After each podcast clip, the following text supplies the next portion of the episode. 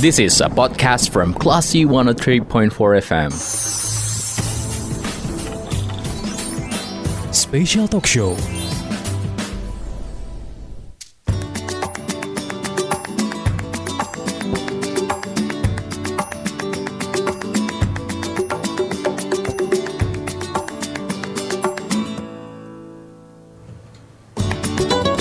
Dari Bumi Kerang Putih Darung Padang 103.4 Kelas FM This is the actual radio. Assalamualaikum warahmatullahi wabarakatuh. Selamat sore kelas people.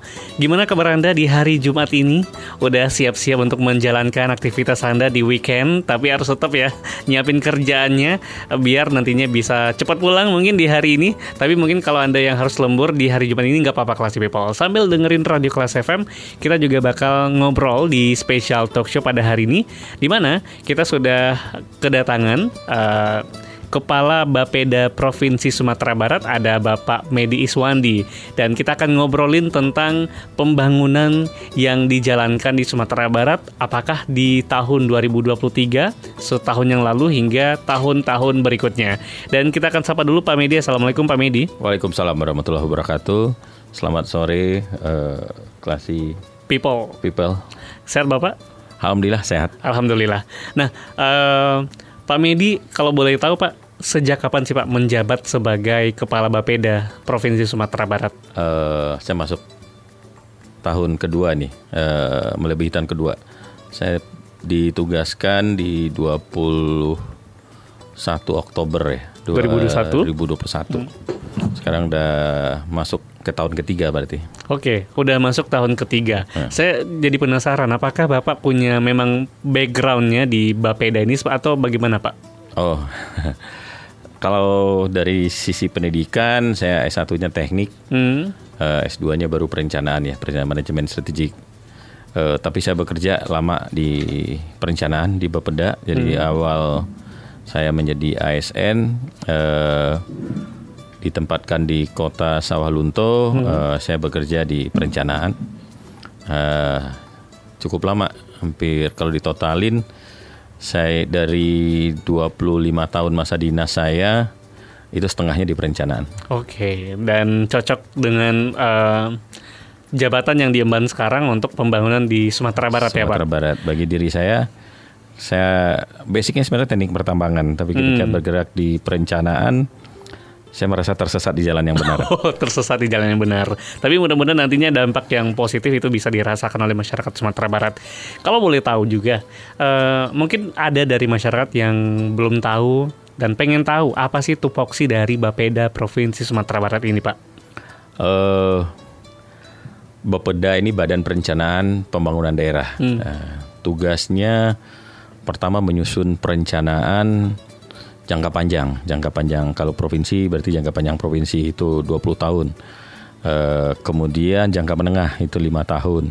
Kemudian diturunkan menjadi e, tahunan, namanya disebut RKPD rencana kegiatan pembangunan daerah setiap tahun. Kemudian Bapeda mengkoordinasikan semua usulan-usulan perencanaan dari semua OPD. Hmm. Kemudian juga melihat kebutuhan-kebutuhan kabupaten kota kemudian juga Bapeda eh, melakukan evaluasi, mengendalikan dan mengawal bahwa eh, pembangunan itu sesuai dengan dokumen perencanaan yang sudah disusun itu. Oke, berarti uh, kerjasama dengan stakeholder lainnya Sangat. dan, dan OPD lainnya. Uh, apakah dalam bentuk fisik itu seperti apa sih Pak hasil kerja dari Bapeda ini? Hasil kerja dari Bapeda ini tidak uh, seperti dinas teknis ya. Mm-hmm. Dinas teknis itu kalau PU jelas bikin jalan. Iya, betul. Kalau apa PSDA pengairan jelas dia berhubungan dengan sungai. Nah, kalau Bapeda bagaimana semua itu terwujud. Jadi okay. fondasi dari awalnya. Mm-hmm. Bagaimana OPD OPD itu bisa melaksanakan dan Bapeda menyediakan pagu anggaran yang cukup. Uh, menentukan prioritas pembangunan juga. Karena ketika kita menyusun sebuah dokumen perencanaan, kalau kita uh, tidak melihat menyusun secara prioritas, hmm. anggaran itu nggak akan pernah cukup. Anggaran itu cukup ketika kita menyusun prioritas. Yeah. Uh, hmm. Seperti misalnya kita punya anggaran hanya 10, hmm. kebutuhannya 50. Nah, dari yang 50 itu kita pilih 10. Nah, mana yang bisa kita lakukan dulu? Nah, tugas kami di situ. Oke, jadi butuh perencanaan strategis yang matang untuk Betul. menciptakan atau menyiapkan seluruh rencana pembangunan di Sumatera Barat. Lalu eh, ngomongin soal 2023, Pak, di mana ma- Sumatera Barat baru saja melewati atau dunia deh melewati pandemi COVID-19. 2023 bisa disebut udah mulai berjaya sedikit-sedikit, mulai kondisinya membaik. Lalu eh, di awal 2023, apa saja sih rencana pembangunan yang memang sudah disiapkan oleh pemerintah Provinsi Sumatera Barat? Karena Bapeda itu melekat ke Pemprov Sumbar gitu ya Pak? Iya. Hmm. Eh, Bapeda itu mengawal visi misi, mengawal visi misi, kemudian melihat indikator indikator makro pembangunan. Di situ ada indeks pembangunan manusia, ada targetnya, ada pertumbuhan ekonomi, ada tingkat kemiskinan, ada gini ratio, ada kemiskinan ekstrim, ada tingkat pengangguran. Target-target itu yang dikawal Iya. di Bapeda. Bagaimana itu bisa bergerak? Berarti kan ada kegiatan-kegiatan yang dilakukan oleh OPD. Contoh, misalnya tingkat pertumbuhan ekonomi yang kita harapkan, misalnya 5 gitu. Apa yang harus kita lakukan? Oh, misalnya butuh eh, ada hambatan pada saat transportasi, berarti butuh jalan. Jalannya di mana yang harus dibangun? Oh, misalnya angka pengangguran, berarti butuh pelatihan-pelatihan kepada eh, UMKM UMKM atau menciptakan lapangan kerja dalam bentuk membentuk melatih entrepreneur-entrepreneur baru untuk mengurangi angka pengangguran. Oh, misalnya kemiskinan. Hmm. Ah, bagaimana cara mengurangi angka kemiskinan? Bagaimana yang sudah miskin? Ah, tentu ini saling berkaitan. Misalnya kalau masalah kemiskinan, kita bicara di situ tentang pengangguran juga. Kita bicara bagaimana mengurangi beban orang miskin. Ini Ya. berhubungan dengan pendidikan, misalnya dibantu beasiswa kah, dibantu bos kah, Ah, kemudian dibantu jaminan kesehatan kah? Ah, itu yang di- dilakukan oleh Bapeda. Eh, mengarahkan juga, mengkoordinasikan juga perencanaan dari perangkat daerah terkait untuk mencapai indikator-indikator makro tadi. Mengencourage eh, daerah-daerah gitu ya Pak? Iya. Oke, kalau eh, konkretnya rencana-rencana apa yang mungkin disiapkan di 2023 Pak? Eh, kalau 2023 udah berlalu kemarin ya, kita menghitung capaian ya. Eh, konkretnya tentu di situ kita punya target kemiskinan misalnya. Iya.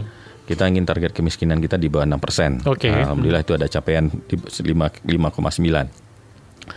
IPM kita targetnya kemarin itu 73 eh, Indeks pembangunan indeks manusia. pembangunan manusia itu capaiannya 75. Itu berhubungan dengan indeks pembangunan manusia itu berapa sekolah yang harus dibangun. Oke. hmm. Uh, berapa harapan lama sekolah, Uh, uh, berapa uh, umur harapan hidup, umur harapan hidup menyangkut berapa fasilitas kesehatan yang harus dibuat, berapa tenaga kesehatan yang harus di- disiapkan. Jadi berentetan sampai ke bawah. Jadi dari tataran makro tadi, kemudian kita cascading, kita lihat sampai ke bawah. Ini siapa sih yang harus tanggung jawab? Iya. Nah, sampai seperti itu. Nah, capai-capaiannya semua target yang dicantumkan di RPJMD, alhamdulillah semuanya bisa dicapai. Oke, mungkin banyak yang berpikir bahwa Bapeda pembangunan eh, ini berkaitan dengan pembangunan fisik seperti jalan raya, sekolah, tapi ternyata human development juga. Semuanya. dilakukan Ya. oleh Bapeda ya Pak. Itu bagian dari ya misalnya membangun sekolah, membangun jalan, membangun eh, irigasi, membangun jalan lingkungan. Itu berhubungan dengan target-target yang saya sebutkan tadi. Mhm. Kenapa sekolah dibangun? Nah, berhubungan dengan harapan nama sekolah, IPM eh, juga. berhubungan dengan IPM. Hmm. Kenapa sebuah rumah sakit dibangun, difasilitasi? Kenapa stunting di, di- diturunkan? Eh berhubungan dengan IPM itu. Mhm. Nah, jadi saling keterkaitan itu eh, dijaga arahnya oleh Bapeda. Oke. Eh, tadi Bapak menyebutkan bahwa Bapeda ini juga menyiapkan eh, rencana-rencana jangka panjang hingga 20 tahun. Hmm. Tapi kalau dalam politik ya, Pak, sebenarnya kita tidak bahas politik. Itu kan akan ada pergantian-pergantian pemerintah Pasti. selama lima tahun sekali. Ah, Sangat erat hubungannya dengan politik. Nggak apa-apa juga kita bicara politik. Nggak ada yang salah. Lalu Karena bagaimana nantinya eh, Bapeda ini tentu orang-orang juga akan terus berganti. Eh, jang, setiap lima tahun mungkin ada pergantian orang. Bagaimana menjaga rencana-rencana yang sudah disiapkan untuk 20 tahun ke depan, Pak? Oke, makanya kita punya rencana jangka panjang. Hmm. Nah, kan nggak ada eh, kepala daerah tuh yang sampai sampai 20 tahun. Nggak kan? ada. Nah, Hmm. Bapeda menyiapkan rencana jangka panjang daerah. Kebetulan kita lagi nyiapin jangka panjang 2025-2045, Hmm. tapi harus kita siapkan sebelum Agustus 2024. Oke. Kenapa? Karena rencana jangka panjang daerah itulah yang menjadi pedoman bagi semua calon kepala daerah hmm. membuat visi misi. Gak boleh keluar dari itu. Nah, mereka misalnya visi misi jangka panjang daerah itu apa? Kemudian itu jadi pedoman untuk mereka mengajukan visi misi dan janji-janjinya kepada rakyat. Hmm. Harus berpedoman kepada jangka panjang. Jangka eh, apa eh, ketika mereka menyampaikan visi misi kemudian mereka memenangi konstelasi politik, misalnya terpilih apa yang mereka sudah sampaikan menjadi visi misi pada saat berkampanye itu, itulah yang menjadi jangka menengah. Hmm, okay. nah, RPJMD. Nah, jadi sangat erat terkait dengan politik. Hmm. Tapi berarti yang jangka menengah ini pasti berpedoman ke jangka panjang, yeah. karena visi misinya tadi harus menjadi pedoman cal semua calon kepala hmm. daerah. Yang jangka menengah tadi kemudian diturunkan setiap tahun menjadi jangka uh, pendek yang satu tahun, yang menjadi APBD itu yang satu tahun. Oke, berarti nanti uh, tetap dengan target 20 tahun hingga 2045 tadi Bapak sebut. Betul. Nanti uh, siapa pun kepala daerahnya harus mengacu ke situ. Mengacu ke sana. Kalau melanggar, tapi teknisnya itu tergantung masing-masing lagi Pak. Kalau nggak melanggar undang-undang. Melanggar undang-undang. Nggak, nggak, nggak akan diterima oleh KPU kalau misalnya visi misi kepala daerah itu tidak berpedoman kepada rencana jangka panjang daerah. Hmm, Oke. Okay. Itu penting untuk menjaga uh, jalannya pemerintahan daerah begitu ya Pak? Iya. Oke, lalu uh, jangka panjang dibuat untuk 20 tahun. Lalu saat ini di Sumatera Barat, Pak, ngomongin soal proyek-proyek strategis hmm. seperti uh, jalan tol, seperti hmm. jalan layang dan sebagainya, PSN dan sebagainya. Apakah itu juga termasuk dalam tupoksi yang diemban oleh Bapeda Sumatera Barat? Uh, fisik pembangunannya itu itu ada di pada OPD teknis seperti PU. Uh, PU hmm. uh, kalau misalnya kayak jalan tol itu berarti kan dari kementerian, kementerian PU karena itu kita lagi lihat lagi kewenangannya. Flyover nanti tinjau laut nih yang lagi-lagi proses itu di Kementerian PU. Hmm. Proses pengusulannya itu bisa jadi dari Bapeda karena Bapeda melihat itu sangat dibutuhkan. Hmm. Nah, sehingga kita menyusun sebuah proposal, sebuah dokumen kenapa itu dibutuhkan. Nah, yang paling sulit dalam perencanaan itu adalah membedakan mana yang keinginan, mana yang kebutuhan. Oke, okay, baik. Hal yang paling sepele dalam hidup hmm. kita aja susah kita. Hmm. Ini ingin atau butuh sih? Uh, Bapeda apa lagi? Uh, itulah yang namanya pisau prioritas. Hmm. Ketika kita membedakan antara keinginan dan kebutuhan, ya berarti kita mana yang ini paling prioritas dulu? Berarti itu yang dibutuhkan. Oke, okay. uh, eh, apakah semua misalkan nih Pak, kalau misalkan proyek-proyek dari nasional, hmm. apakah itu rata-rata atau semuanya emang harus uh, dari Bapeda dulu, dari pemerintah provinsi atau memang inisiatif dari pusat saja itu semuanya? Kalau nasional di uh, apa semua kementerian lembaga itu mereka punya di kalau di sini kalau Kementerian BU disebut balai ya. Oke. Okay. Uh, mereka punya usulan-usulan yang dibahas dan didiskusikan dulu bersama Bapeda. Hmm. Uh, setelah kita diskusikan, kemudian mereka mengajukan ke kementeriannya, mereka mengajukan ke Bappenas, persetujuannya itu di DPR RI. Yeah, Oke. Okay. Uh, tapi kalau usulannya provinsi Sumatera Barat, kemenangan provinsi Sumatera Barat itu pasti melalui Bapeda. Oke. Okay, sebelum baik. sampai ke DPRD. Nanti saya mau bahas uh, lebih detail kali Pak di sesi kedua dan sesi berikutnya. Kita akan lanjutkan obrolan kita nanti. Dan Classy People jangan ke mana-mana dan Anda juga bisa berinteraksi langsung bersama Kepala Bapeda Provinsi Sumatera Barat, Bapak Medi Suwandi, dalam spesial talk show pada hari ini. Jangan ke mana-mana, pastikan Anda keep tune di 103,4 kelas FM di Actual Radio. Special Talk Show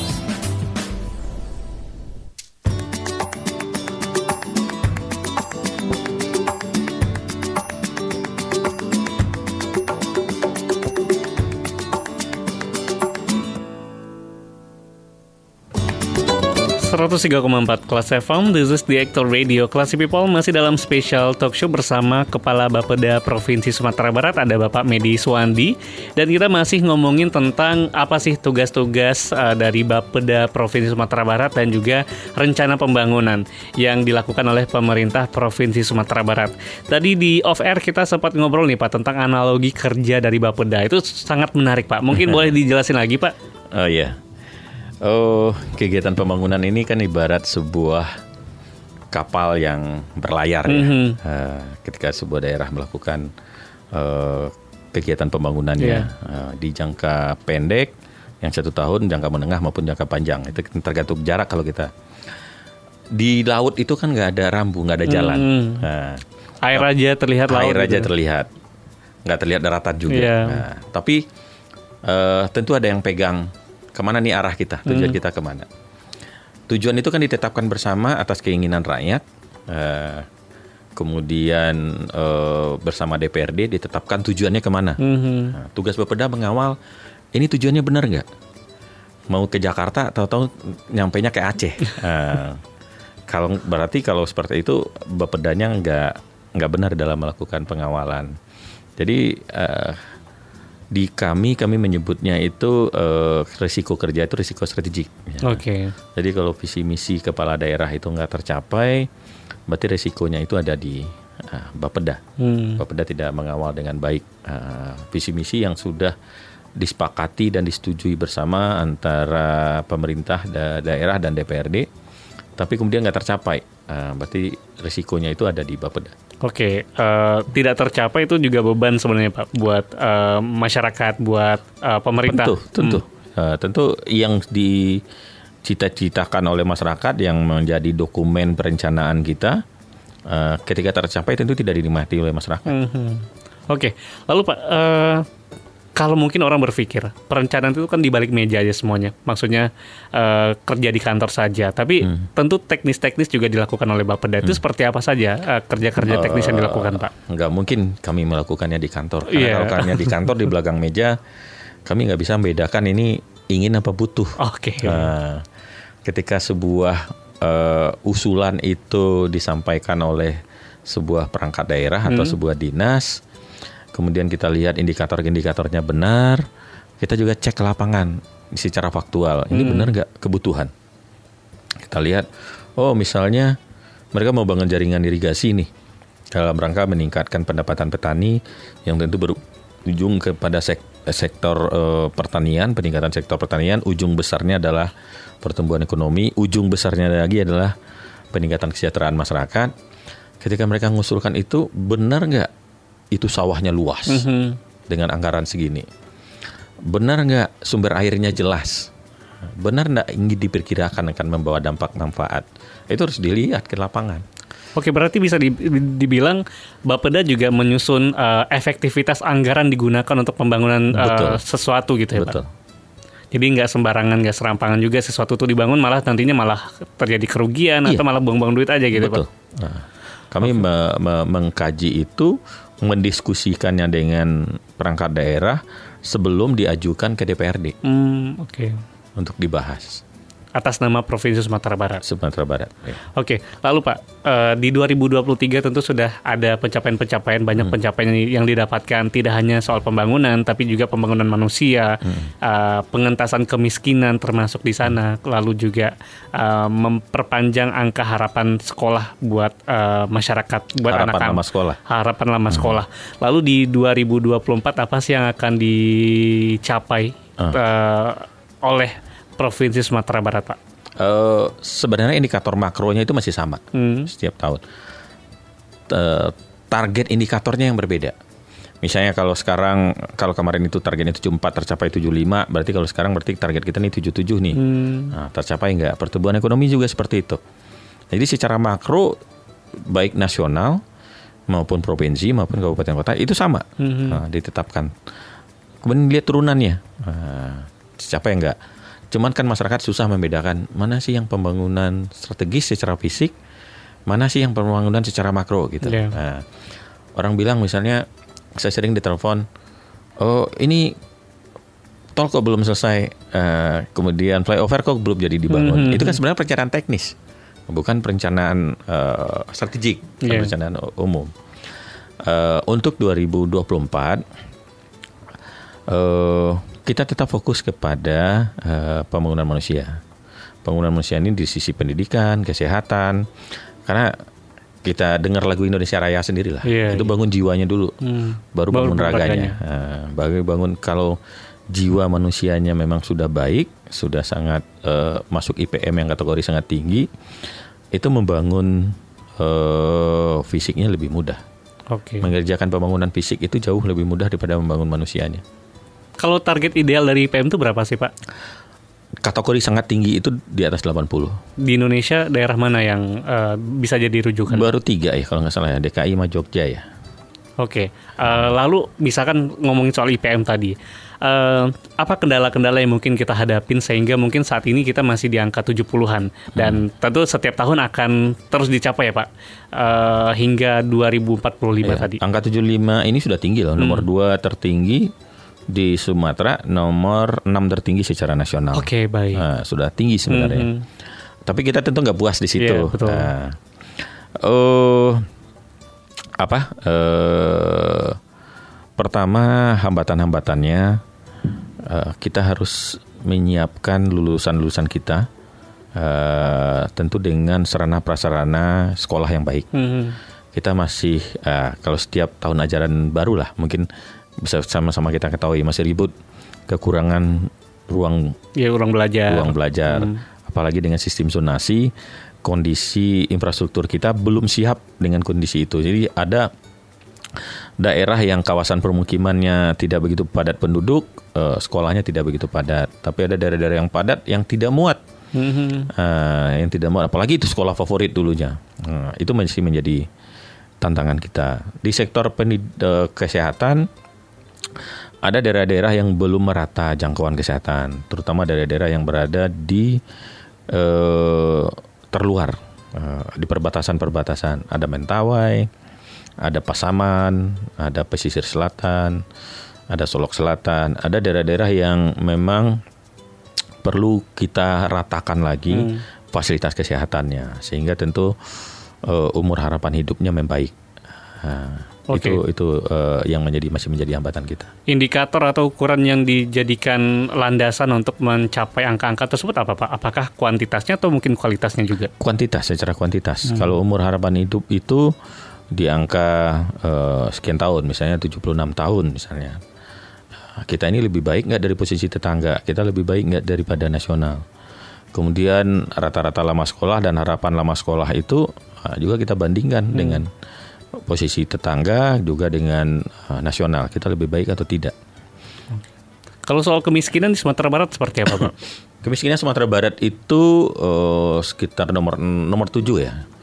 Nomor 6 atau nomor 7 terendah di Indonesia. Eh, tapi memang kita akui kita eh, lama nih terjebak di angka 6 dan 5. Kisarannya 6 dan 5. Eh, walaupun angka 6 dan 5 itu sudah nomor 6 terendah. Hmm. Eh, 5 5,92 persen itu li- apa eh, sudah termasuk nomor eh, 6 terendah di Indonesia. Tapi kita nggak puas di situ. Iya. Eh, apalagi kemiskinan ekstrim. Kalau kemiskinan ekstrim itu target yang diberikan pemerintah pusat ke kita kita itu 2024 harus nol Oke. untuk kemiskinan ekstrim. Nah, itu yang menjadi PR kita bersama dengan teman-teman di eh, kabupaten kota. Kalau ngukurnya itu gimana Pak? Apakah dengan eh, pendapatan yang mereka dapat per bulan atau Oh, BPS melakukan survei. Oke. Eh, ada namanya tingkat kemiskinan. Itu berbeda-beda setiap daerah. Misalnya antara tingkat kemiskinan Kota Padang itu berbeda dengan tingkat kemiskinan di Kota Padang Panjang. Batasannya, misalnya Padang itu 600 ribu dianggap miskin. Nah, tapi Padang Panjang itu bisa jadi 250 atau 300 ribu baru dianggap miskin. Karena Padang Panjang bisa mendapatkan segala sesuatunya dengan mudah. Hmm. Tanahnya luas, bisa bercocok tanam, mau mengambil sawir tinggal ambil, beras mereka punya karena punya sawah. Kalau di Padang kan enggak. Iya. Karena nilai jual juga berarti Pak. Eh, Nilai tukar. standar hidup sebenarnya. Standar hidup di satu daerah itu kan berbeda-beda. Oke. eh, lalu apa yang dilakukan oleh Bapeda untuk eh, tadi eh, menciptakan IPM yang lebih baik, kemudian menurunkan kemiskinan dan lain-lain? Mungkin di beberapa daerah yang sudah dilakukan seperti apa aja Pak? Kalau di, di Kota Padang mungkin ma- masih masih ngalamin hal itu nggak sih Pak? Kalau Padang IPM-nya udah tinggi ya, paling tinggi itu Padang itu 81. Jadi kalau urusan IPM Padang kayaknya Padangnya juaranya. Eh karena memang semua fasilitas pendidikan lengkap di sini. Semua fasilitas kesehatan lengkap di sini. Tapi kan berbeda sekali dengan Mentawai. Iya, iya. Nah, itulah tugas kami di Bapeda. Bagaimana dia bisa seimbang, memacu Mentawai dari sisi eh, pendapatan. Tapi di Padang mungkin angka pengangguran tinggi karena jumlah penduduk banyak, kampus di sini banyak. ketika tamatan domisilinya di Padang semua, nggak pulang kampung, dia nggak tercatat jadi penganggur di Padang. Ya kita terus punya program bersama pemerintah Kota Padang ya menciptakan entrepreneur, melatih mereka menjadi entrepreneur. Oke, berarti seperti misalkan kita sebut Mentawai tadi ataupun daerah-daerah lain itu adalah akses-akses transportasi, akses pendidikan juga dihitung seperti itu ya Pak? Pendidikan, kesehatan, akses terhadap pelayanan dasar kalau kita sebut. Oke, kesehatan juga termasuk ya Pak. Lalu eh, dengan capaian-capaian sudah didapat di 2023, apa yang mungkin menjadi evaluasi dari dua, tahun 2023 untuk dicapai di 2024 nanti Pak? Oh ya, ada beberapa hal yang mungkin menjadi PR kita, misalnya stunting stunting ini sebenarnya basis data yang memang harus kita uh, bersama-sama dengan Kementerian Kesehatan yang mm -hmm. melakukan survei berdiskusi ini. Uh, karena menurut survei angka stunting kita tinggi, tapi menurut pencatatan langsung stunting kita rendah. Jadi tidak tidak ketemu titik temunya di di situ. Kemudian uh, di samping itu uh, aksesibilitas kita uh, yang uh, memang harus kita tingkatkan ada jalan-jalan provinsi yang kondisinya masih belum hmm. cukup baik, terutama di daerah-daerah uh, yang jauh dari pusat ibu kota provinsi. Ada di daerah Pasaman yang berbatas dengan Riau, mereka butuh akses bisa langsung ke Riau hmm. uh, karena memang uh, di situ ada produksi ikan yang besar. Jadi istilahnya jangan jangan sampai ikannya mati tiga kali dulu baru dijual gitu, uh, karena jalannya jelek gitu.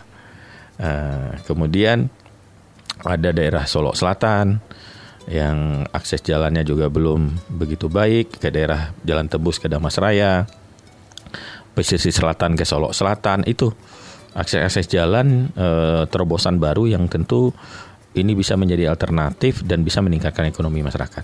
Oke, karena pembangunan fisik itu berdampak kepada pembangunan Pasti. manusia, Pak. Kalau nggak ada pembangunan fisik juga tentu ekonomi nggak jalan. Mm -hmm. Kalau ekonomi nggak jalan, bagaimana biaya untuk meningkatkan pendidikan? Mereka saling kunci mengunci itu. Oke, okay.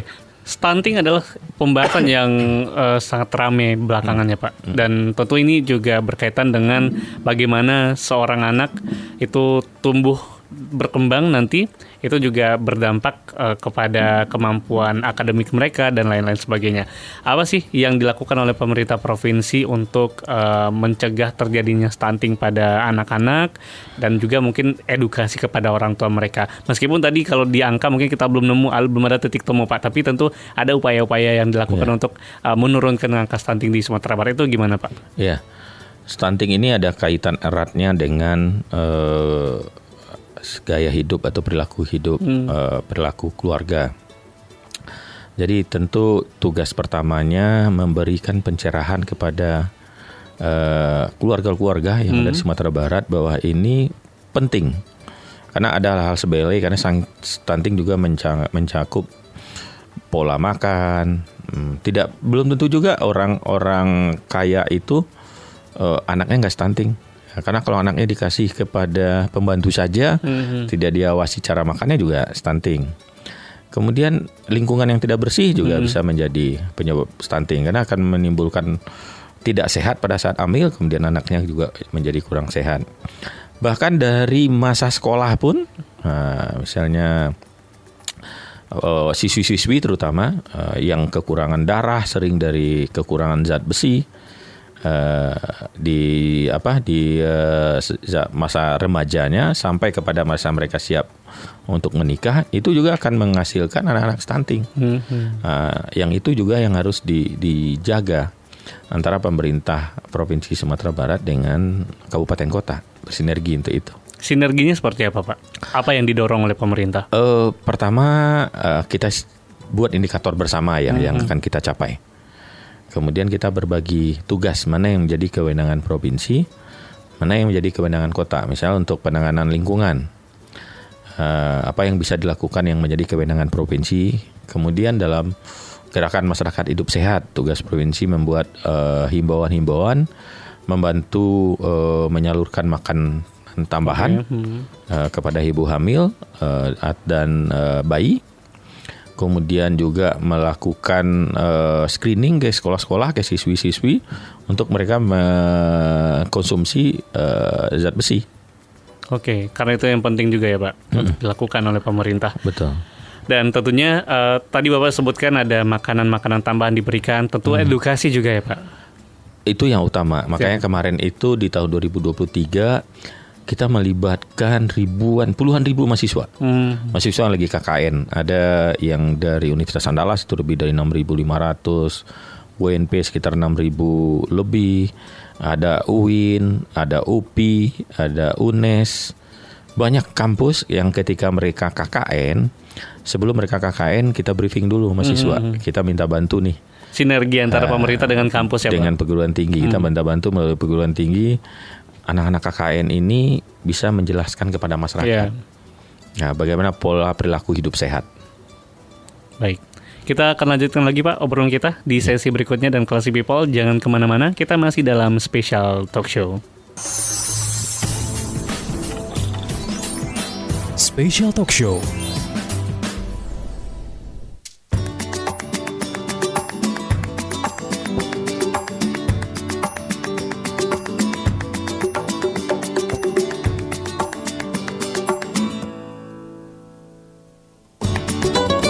.4 Kelas FM, this is the Actor Radio Classy People. Kita sampai di sesi terakhir dalam special talk show bersama Kepala Bapeda Provinsi Sumatera Barat ada Bapak Medi Suwandi.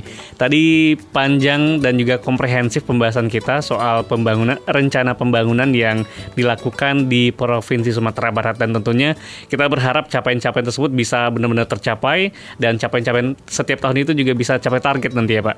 Tahun lalu alhamdulillah capai target, tahun sekarang mudah-mudahan seperti itu juga.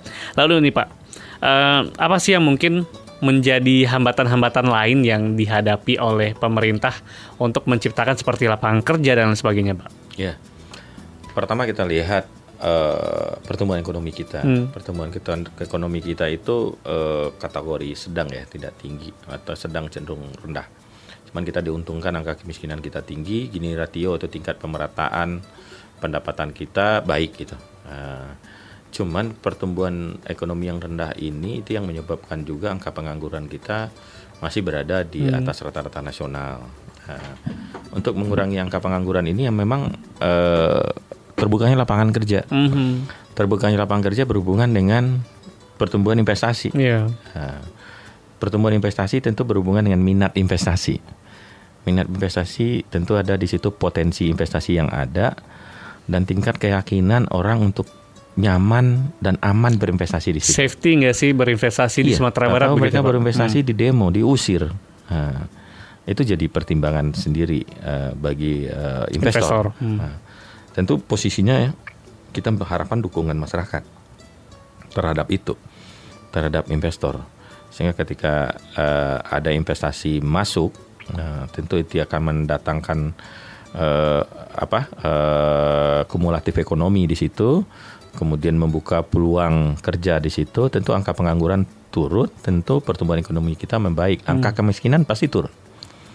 Oke, lalu Pak, eh, apa sih yang dilakukan oleh pemerintah biar nantinya industri-industri yang hadir, yang hadir di Sumatera Barat yang saat ini mungkin masih masih sedikit Hmm. bisa dikatakan masih sedikit angkanya itu bisa eh, mendorong lebih banyak industri-industri yang menciptakan padat karya di Sumatera Barat Dari sisi- sehingga eh, bisa menurunkan angka pengangguran Iya, seperti Bapak bilang Dari tadi. sisi pemerintah, pemerintah harus mengkomunikasikan kalau kepada investor adalah potensi investasi. Mhm. Ini ada potensi investasi. Kemudian yang kedua, kepada masyarakat pemerintah harus mensosialisasikan dan meyakinkan ke masyarakat bahwa Iya. ini ada manfaat nih investasi ini. Eh, tentu tidak mudah posisinya. Kita punya problem kepemilikan lahan. Yang di satu sisi kepemilikan lahan itu juga baik untuk ketahanan sosial Iya, sebenarnya Hmm. ketika kepemilikan tanah ulayat itu kalau kita lihat di Sumatera Barat itu kalau menurut saya suatu ketahanan sosial masyarakat Sumatera Barat. Nggak ada tanah ini dimiliki oleh cukong-cukong besar. Ada satu cukong itu punya ratusan ribu hektar di Sumatera Barat itu nggak ada. Jadi punya mama dan kemenakan gitu ya Pak. Punya rakyat. Nah, Hmm. cuman di sisi lain tentu akan semakin eh, berat beban pemerintah mengkomunikasikan ke banyak orang Iya. tentang investasi itu penting. Ini memang harus dicari sebuah terobosan hukum.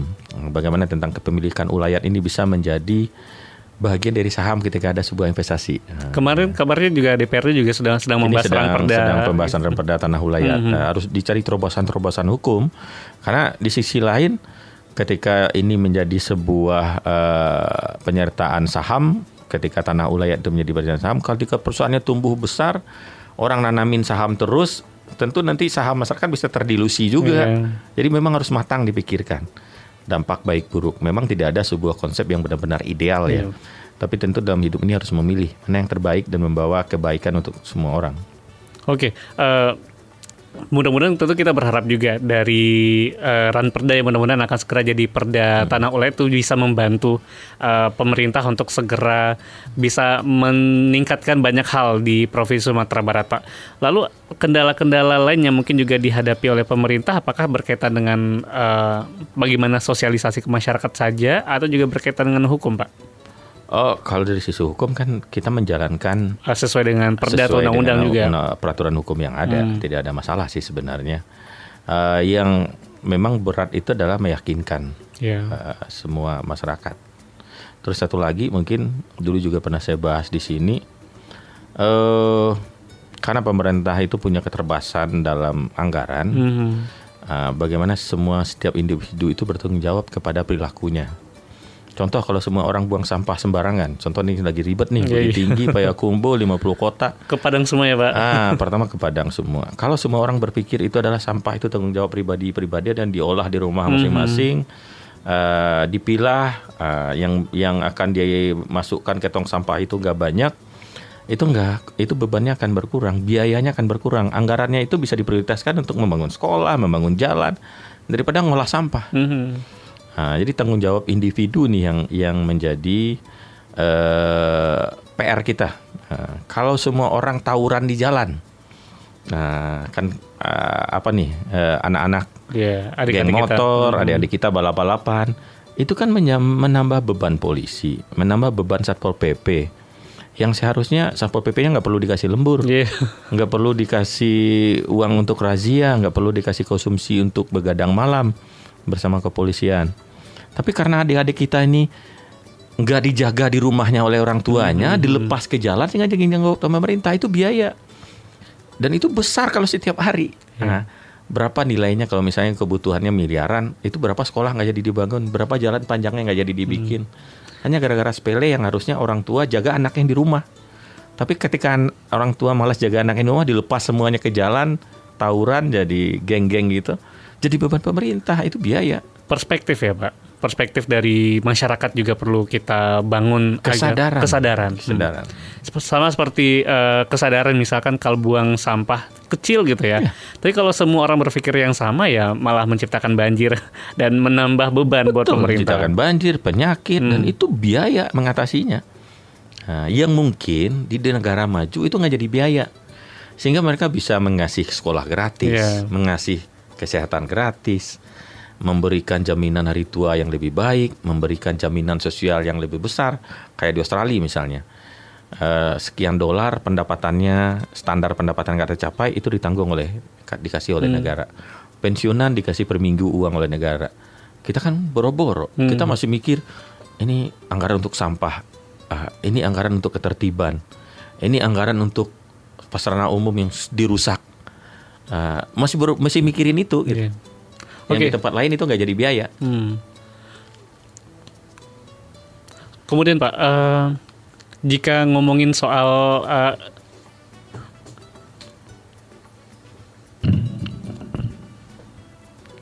Oke, baik. Kita perbaiki sebentar, Pak. Oke, baik. Lalu, Pak, eh, kalau kita berpatokan ke negara maju mungkin eh, butuh proses yang cukup lama ya Pak. Tapi kalau dari Bapak sendiri sebagai Kepala Bapeda Provinsi Sumatera Barat untuk mencapai tingkat kesadaran masyarakat meningkat saja itu kira-kira butuh berapa tahun Pak khususnya Wah, di Sumatera ini Barat? jawa- Ini, jawaban yang Cukup sulit ya. Ini jawaban yang sulit Eh, karena kita harus mulai dari generasi baru kayaknya. Kita harus mulai dari anak-anak PAUD dari sekolah pendidikan terendah. Mhm. Bagaimana sih ngantri? Ya. Nah, bagaimana buang sampah? Gimana harus dibuang? Sekarang aja nggak nyambung tuh antara teori ah, dengan praktek yang anak-anak kita lakukan. Coba tanyain ke anak-anak PAUD, anak TK, kasih tugas dia kasih pertanyaan buang sampah di mana pasti semuanya bilang di tong sampah Kalau tapi tong ketika, ada, ketika dia pegang sampah apakah dia buang ke tong sampah belum tentu karena yang dia lihat contohnya di rumah nggak kayak gitu oke. Nah, Dari itu orang tua gitu ya pak. dari keluarga Hmm. kita Nah, kita harus menciptakan makanya ada target-target indikator kualitas keluarga indikator keluarga yang berkualitas Punya target tahun nggak pak? ada ada eh, target kita tiap tahun yang diukur dari berkurangnya tingkat kriminalitas Oke baik. Kriminalitas itu juga termasuk pelanggaran-pelanggaran yang betul Hmm. apa pun bentuk pelanggarannya baik yang di kriminalitas yang pidana ringan di satpol pp kemudian yang pidana eh, umum di kepolisian. kepolisian. Kalau itu makin menurun setiap tahun, berarti terciptalah masyarakat madani, masyarakat yang maju, Mhm. masyarakat yang tertib. Oke. Nah, It- berarti unsur agamaisnya juga jalan di situ. Itu harapan kita semua ya Iya, pak. Iya. Baik. Terakhir ya pak, apa mungkin himbauan yang mungkin eh, ingin disampaikan oleh eh, Oh iya. Kebet- Sumatera kita, kita lagi nyusun ini dokumen jangka panjang yang saya Hmm. bilang tadi. Dokumen jangka panjang itu bukan visi misi kepala daerah, Hmm. tapi menjadi pedoman visi misi kepala daerah. Apa dokumen jangka panjang itu isinya? Mimpi kita bersama. Pepeda lagi bikin sayembara nih, mimpi terbaik. Oke. Nah, Tulisannya pak. siapa yang punya mimpi terbaik bisa dia ceritakan melalui vlog, Hmm, Nah, oke. bisa dia buat dalam bentuk infografis, bisa dia tulis dalam bentuk paper kalau dia memang Hmm. senang menulis dalam bentuk essay, paper atau se- segala jenisnya. Kita tunggu nih sampai bulan Maret. Nah, ada tadi saya barusan rapat nih sebenarnya saya tinggal ada beberapa tim ahli eh, 17 profesor doktor yang bantu kita menyusun yang nanti akan seleksi. Hmm. Hadiahnya apa? Pertama, dia diberi ruang untuk menyampaikan mimpinya itu pada saat musrenbang. Musrenbang ini musyawarah rencana pembangunan di bulan April yang nanti dihadiri oleh lebih kurang 300 orang. Hmm. Yang kedua, dia diundang makan malam nanti oleh Pak Gubernur dan Oke. Wakil Gubernur untuk diskusi uh, tentang mimpinya, Mimpinya itu. tadi. Yang ketiga, tentu dalam bentuk uang Oke. nah, hadiahnya. Jadi kita nunggu nih mimpi semua. Kira-kira mimpi anak muda kan 2045 itu miliknya Gen Z nih. Iya, bonus demografi Ah, Indonesia Emas ya pak. Betul. Milik anak-anak yang berumur 30 tahun. 35 tahun sekarang lah yang akan jadi pemimpin nih di saat Indonesia Emas itu. Ah, mereka punya mimpi apa? Mhm. Kira-kira apa masalah krusial yang harus kita selesaikan secara cepat yang berhubungan dengan mimpinya? Nah, kita lagi nunggu eh, itu dari semua lapisan masyarakat sehingga setiap kepala daerah yang akan berlaga nanti setiap periode 2000 ini 2025, 2030, 2035, 2040, 2045 berpedoman ke mimpi-mimpi itu tadi membuat visi misinya. Itu pedomannya. Iya. Baik. Eh, teknis itu di mana di- bisa dilihat pak? Oh, ada flyernya. Hmm. Ya, kita sebar dan silahkan eh, sampaikan nanti di DM di Instagram Bapeda atau diantar langsung eh, ke ke Bapeda dalam bentuk paper. Oke. Nah, Baik. Terima kasih Pak Medi sudah ngobrol bersama Radio Kelas FM pada hari ini. Sangat membuka cakrawala berpikir kita tentang Bapeda Provinsi Sumatera Barat yang tidak hanya ngomongin soal pembangunan secara fisik tapi Iya. pembangunan manusia. Dan jangan lupa ikutan uh, challenge dari Bapeda apa mimpi kita untuk apa Sumatera mimpi Barat. terbaik Anda? Baik.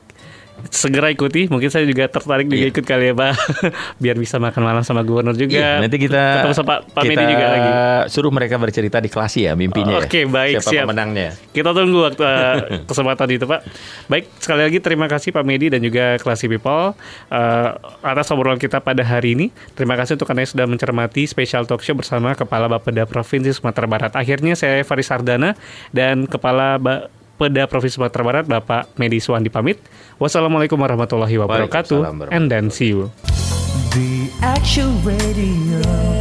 More than just talk. More than just talk. Classy FM.